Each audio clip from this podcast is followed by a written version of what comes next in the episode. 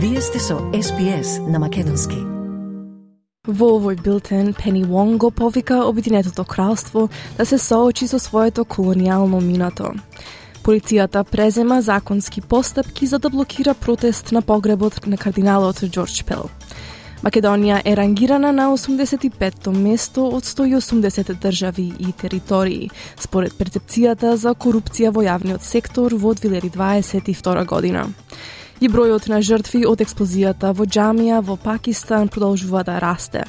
На СПС на Македонски следуваат вестите за 1 февруари 2023 година. Јас сум Ана Коталеска.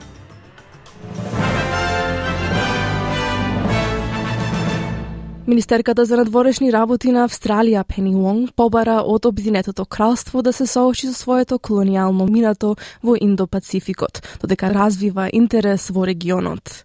Господица Вонг на незината прва посета на Обединетото кралство, откако стапи на функцијата, ги даде коментарите во главниот говор во Кралскиот коледж, во кој рече дека 250 годишниот однос меѓу двете држави треба да се модернизира, бидејќи Австралија сега се гледа себе си како дел од регионот.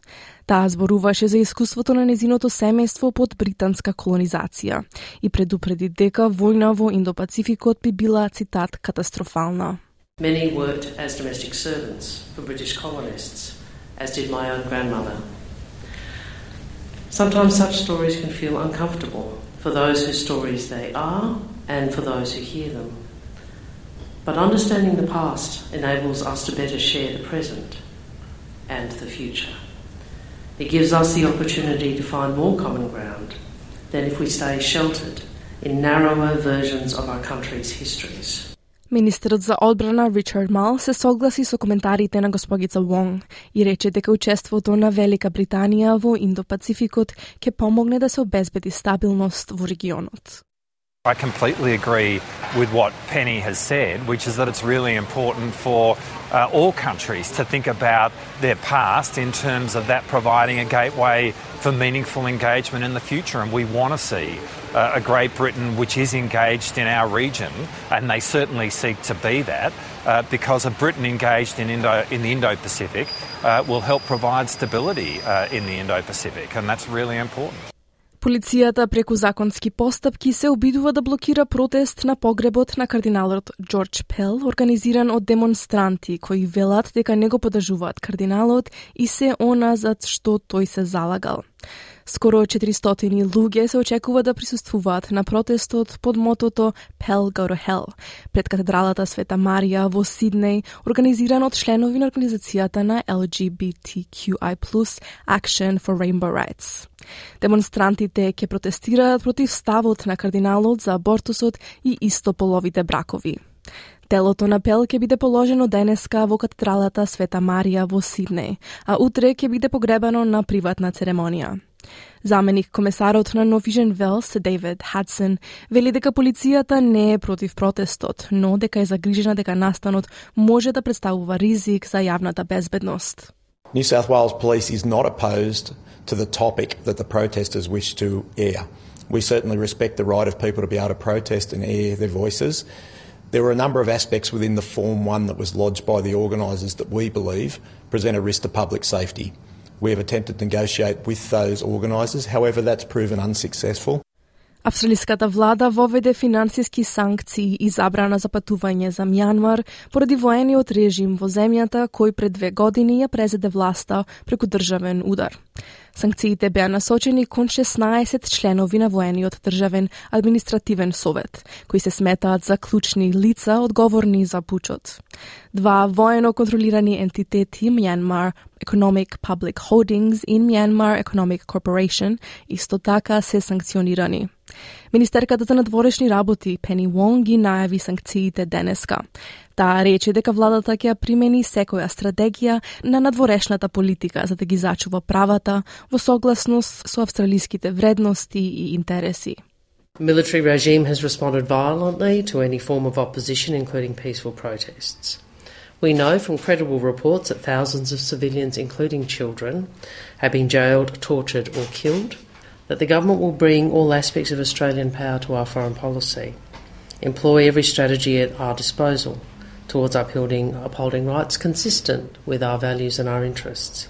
Нова парламентарна истрага за хроничниот недостиг на наставници низ Нов Велс треба да започне денеска во пресред на државните избори. На почетокот на новата учебна година се уште има над 3300 слободни места за наставници низ државата. Истрагата беше покрената на 9 јануари за да се испита цитат соодветноста на одговорот на владата на недостигот на наставници и резултатите од образованието. И со неа ќе председава пратеникот Марк Лейтам. Председателот на Државната наставничка федерација Анджело Гавриелатос, што треба да сведочи пред истрагата, тврди дека недостигот се должи на преголемиот обем на работа, ниските плати и несигурноста на работните места во последната деценија. Тој верува дека зголемениот број на уписи на ученици, старењето на работната сила и падот на бројот на луѓе кои студираат за наставници ќе го влоши недостигот. Македонија е на 85-то место од 180 држави според најновиот индекс за перцепција на корупцијата, кој што секоја година го објавува Transparency International. Со 40 поени на скалата каде нула е најкорумпирана, а 100 е најмалку корумпирана, земјата напредувала две места во споредба со ланскиот извештај. И покрај малиот напредок, Македонија и понатаму е во друштво на Суринам, Индија и Тунис. Од земјите од Западен Балкан подобро рангирани од Македонија се Црнагора и Косово. Недостигот на интегритет во суството и неефикасното водење на тековните случаи против корупција се посочуваат како главни причини. Според председателката на Transparency International Македонија, Слагена Тасева, резултатот е загрижувачки и незначително подобрен.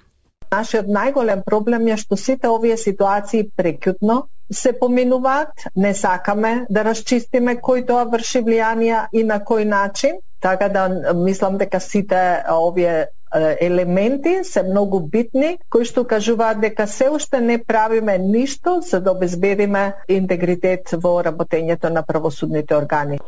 Преживеаните од експлозијата во џамија во северниот дел на Пакистан зборува за своето искуство, дека бројот на жртви продолжува да расте. Загрижени роднини низ болниците на градот Пешавар се обидуваат да ги најдат своите најблиски по експлозијата во преполна џамија во која загинаа 100 лица, главно полицајци, а 170 беа повредени. Нападот е најсмртоносниот во последната деценија за северозападниот град кој се наоѓа во близина на границата со Афганистан, а се случува во период во кој е забележен пораст на насилство врз полицијата. Пакистанските талибанци ја презедоа одговорноста за бомбашкиот напад. Абдул Рехмен е една од жртвите. Тој опишува како се онесвестил неколку минути и кога се освестил бил обкружен со телата на мртвите и повредените. As soon as we raised hands to say Allahu Akbar to begin prayer, suddenly a loud blast occurred. A huge flame came to my face and it pushed me away. I lost consciousness for two, three minutes. I was in the prayer hall. After I regained consciousness after two, three minutes, I found myself under the rubble. Allah opened a hole for me to get out. I saw the people in really bad condition, dead and injured, in front of me. Светскиот економски форум по прекини поврзани со пандемијата се состанува оваа недела. На настанот во швајцарскиот ски центар Давос ќе присуствуваат 2700 лица, вклучително и бизнисмени, уметници и представници на глобални добротворни организации. Тие ќе разговараат за меѓународни прашања поврзани со миграцијата, трговијата и поправедна распределба на богатството. Управната директорка на форумот Садија Захиди вели дека знаењето и иновациите треба да ги преминуваат границите. We need that transfer of information and knowledge and innovation across borders to be able to lift living standards for all. So that has to be one core part of the discussions here. Државниот секретар на Соединетите Американски држави Антони Блинкен ја заврши дводневната посета на Израел и окупираниот Западен брег, каде ги обнови повиците за деескалација на израелско-палестинското насилство. Господин Блинкен во понеделникот ги повика Израел и Палестина да ги деескалираат големените тензии од минатата недела. Тој вели дека лидерите на двете страни изразиле загриженост за сегашното насилство, но слушнал и конструктивни идеи за практични чекори што секоја страна може да ги зазеде за да постигне решение.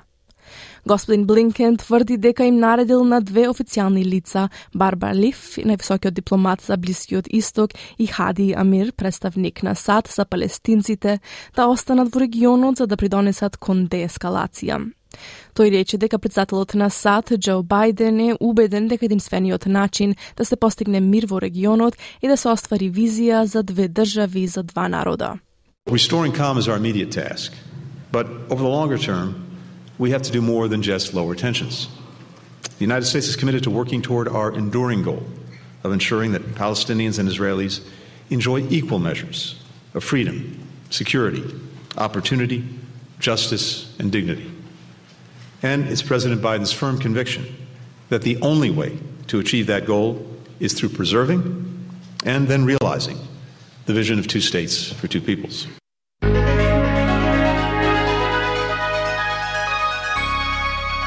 Од најновата курсна листа денеска, еден австралиски долар се менува за 0,65 евра, 0,70 американски долари и 39,80 македонски денари. Додека еден американски долар се менува за 56,23 македонски денари, а едно евро за 61,13 македонски денари. И на кратко временската прогноза за главните градови за утре, четврток 2 февруари. Сончев во Перт 35 степени, ветровито со слаби повремени врнежи во Аделаид 21 степен, 23 за Мелбурн со слаби повремени врнежи попладне, краткотрајни слаби врнежи за Хобарт 21 степен, 25 за Канбера делумно облачно. Делумно облачно во Сиднеј 30 степени, делумно облачно и за Брисбен 31, слаби повремени врнежи и можна бура во Дарвен 32 степени и 29 за Алис Спрингс сончево.